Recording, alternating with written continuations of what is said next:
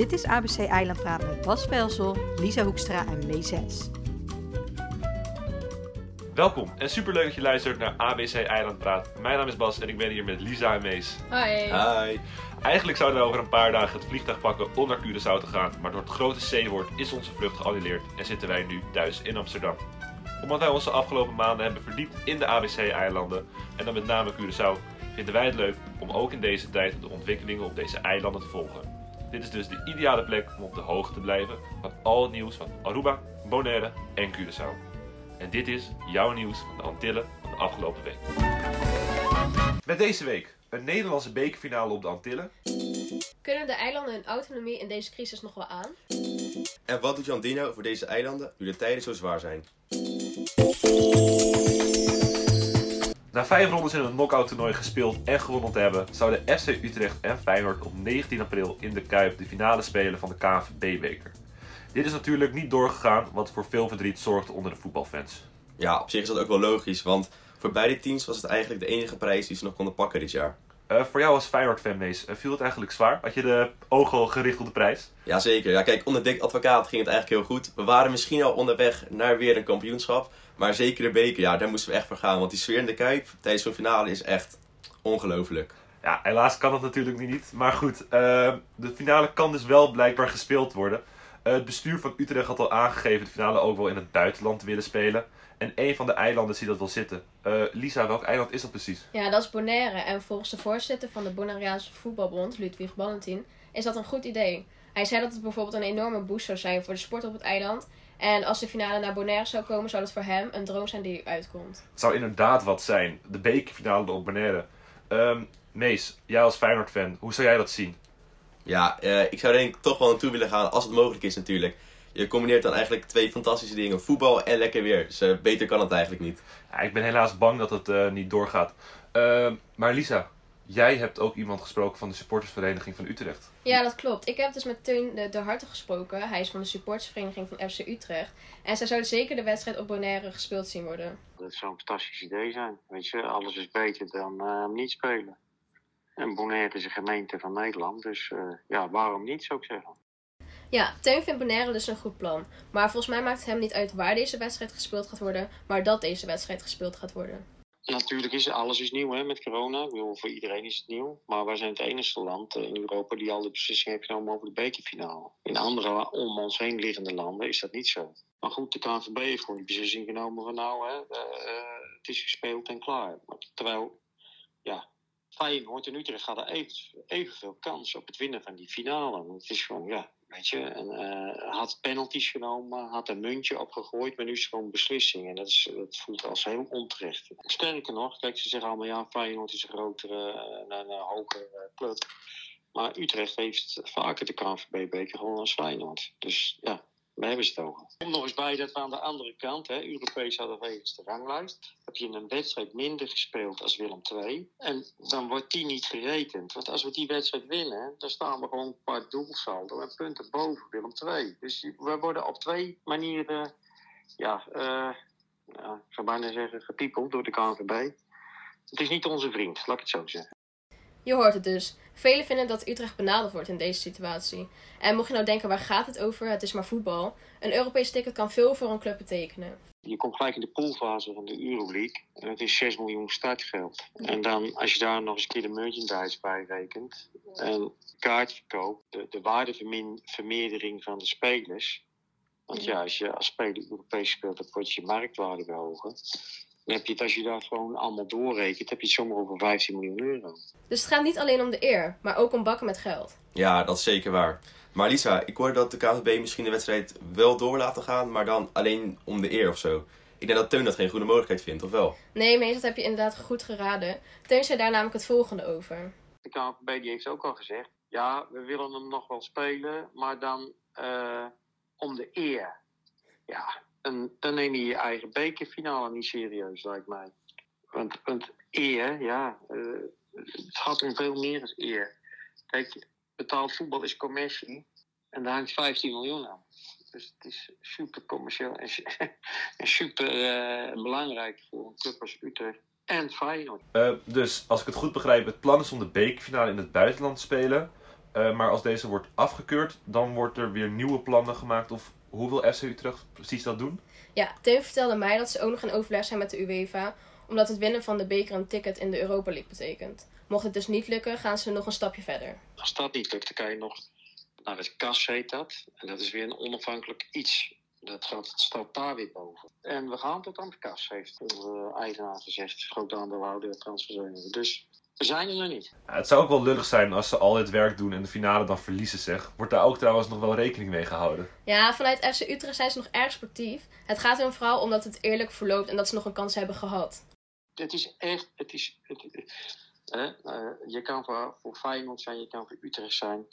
Maar dit is echt zo onterecht. Dit is gewoon, hè, dit is nog niet een muntje opgooien, een kop of munt. Dan heb je nog 50% kans. Maar dit is gewoon nul kans. Is gewoon beslissing uit de KNVB. Kijk, want als Feyenoord wint, dan schud ik ze de hand en dan feliciteer ik ze.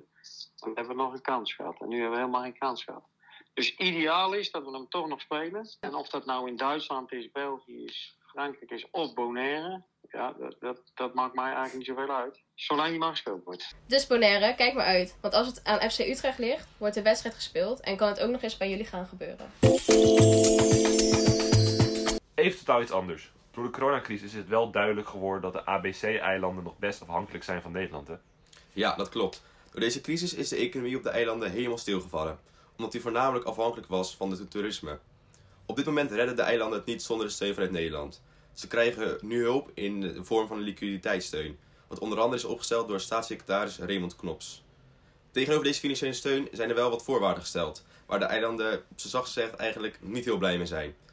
Er wordt ook wel gezegd dat Nederland misbruik heeft gemaakt van de situatie waar de eilanden nu in zitten, om de wensen die Nederland al langer had, nu door te drukken. Lisa, jij hebt hierover gesproken met Gilberto. Uh, hij is student uit Den, in Den Haag, toch? Ja, klopt. En hij komt oorspronkelijk uit Curaçao. Um, ook heeft hij toch meegedaan aan de gemeenteraadsverkiezingen in Den Haag en zet hij zich veel in voor het Caribisch gebied. Ja, dit klopt allemaal. Ik heb dus met Gilberto gesproken en hij zegt ook wat, vele, wat ik van velen al heb gehoord. Hij vindt namelijk het volgende van deze steun. Kijk, het is, het is een soort van tweeledig. Op de ene kant is het belangrijk dat en goed dat Nederland aan een bijdrage aan het geven is. Um, want ja, het is, het is echt een crisis en um, we hebben hulp nodig. De eilanden hebben hulp nodig. En het is ook niet per se slecht dat ze bepaalde voorwaarden um, hanteren op, voor die hulp. Dat is ook gewoon soms noodzakelijk. Op hetzelfde moment, de manier waarop het tot stand is gekomen, vind ik best wel problematisch. En ook niet echt behulpzaam. Want wat er nu gebeurt is dat um, Kijk, Nederland heeft altijd opinies over bepaalde manieren van, van hoe, hoe je in jouw, land in. En dat mag, dat is ook oké, dat is belangrijk zelfs. Maar op hetzelfde moment, um, we moeten wel beseffen dat niet alles wat hier werkt, daar, daar zal werken. En dat ook al de vereisten die ze hier um, maken, die ze op de eilanden willen implementeren, komen uit een bepaalde ideologische hoek. En die ideologische hoek is niet de enige hoek die werkt. Ja, dus hij zegt eigenlijk dat bepaalde dingen en strategieën werken in onze westerse samenleving. Maar dat dat niet betekent dat dit ook gaat werken aan de andere kant van de wereld. Ja, precies. En de eilanden moesten deze stemmen aannemen. Want het was echt een take it or leave it. Als de eilanden bijvoorbeeld niet akkoord waren gegaan, kregen ze niks. En dat is iets waar Gilberto en vele anderen het verkeerd vinden gaan. En wat ik het eigenlijk het ergste vind, is gewoon dat we dit periode gebruiken als een soort van opportunity om eigenlijk hun, hun wil en hun, hun, hun ideologie, hun idee van wat is goed te implementeren op de eilanden, te dwingen op de eilanden. Want het is niet alsof het eigenlijk een keuze is. Ze zouden, ze zouden wel nee kunnen zeggen, maar dan, dan, dan blijven de mensen op de eilanden gewoon stikken. Ze hebben hetzelfde gedaan met Italië. En met, en met zuidelijke Europese staten. Maar ze, ze, ze stapten terug doordat um, ze zoveel kritiek over hen heen kregen. Want, want kijk, nu is het een moment van crisis en het is niet de tijd om in gesprek te gaan op zo'n semi-arrogante manier van, oh, we zijn, ja, jullie wisten het al. Het is echt um, de vinger aanwijzend van, van jullie moesten het beter doen. Uh, maar het was een crisis, niemand had het verwacht. Daarnaast praat Gilberto ook nog over het besef dat er in Nederland juist niet is ik denk wat wij hier niet beseffen is dat de hoeveelheid van inkomen van de eilanden bijna nul is geworden door de crisis. Zeker op Aruba. Aruba is bijna 87% afhankelijk van toerisme. Als er geen toeristen komen voor drie maanden, um, die overheidskast is gewoon, is gewoon bijna leeg. Dus het geld dat ze krijgen als lening is gewoon geld om, ja, om, om die normale kosten te betalen, salarissen te betalen en, en die dingen te kunnen doen. Het is een lastige situatie en de eilanden bevinden zich nu zelfs in een verschrikkelijke situatie. Daarom denk ik dat het juist goed is dat het besef onder de Nederlandse bevolking groeit en dat men gaat zien hoe slecht het in de Antillen nu gaat. Zo kunnen er bijvoorbeeld acties worden georganiseerd zodat iedereen zijn steentje kan gaan meedragen. En Bas, volgens mij gaat het volgende onderwerp ook over een inzamelingsactie, klopt dit? We gaan het inderdaad over inzamelingsacties hebben, Lisa. Ehm, en als je aan de ABC-eilanden denkt, aan wie denk jij dan? Nou, volgens mij komt Jan Dino daar vandaan, klopt dit? Dat klopt zeker. De comedian die het meest bekend is van Judeska en SC Kip uh, heeft geld ingezameld voor de eilanden om ze te helpen door deze crisis te komen. Mees, jij hebt het uitgezocht, hè? Ja, dat klopt. Jan Dino heeft een actie opgezet, de actie Samen één Koninkrijk. En met deze actie wil hij geld ophalen voor de Nederlandse Antillen. Er was altijd al veel armoede op de eilanden, maar nu het toerisme is weggevallen vanwege de coronacrisis, is het eigenlijk uit de hand gelopen. Jan Dino komt natuurlijk zelf van Curaçao en zet zich daarom extra in voor dit onderwerp. Wauw, het klinkt als een hele mooie actie. Uh, hij heeft ook een televisieuitzending gedaan, zag ik. Met allemaal bekende mensen. Wat was dat precies en wie waren daar allemaal bij? Ja, om de actie nog meer kracht bij te zetten, heeft hij een uh, uitzending gemaakt. Deze werd uitgezonden op NPO 1. En deze uitzending ging eigenlijk over de situatie op de eilanden en de banden die veel Nederlanders hebben met de Antillen.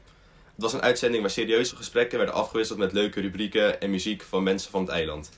Zo zat tijdens de uitzending ook bijvoorbeeld Sharon Di Martina, de bekende atleet, uh, op een drive-thru bij de uitzending. En mensen konden daar langs rijden om daar uh, hun geld te doneren.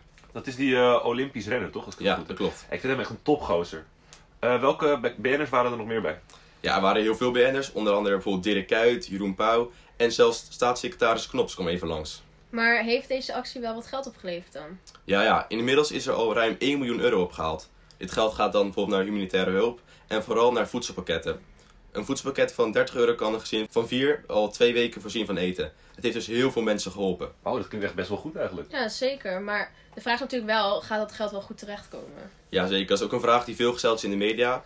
Want er was aardig wat kritiek gekomen op de actie, omdat de afspraken meestal mondeling zijn gemaakt. Er was namelijk niet genoeg tijd om alles op papier te zetten.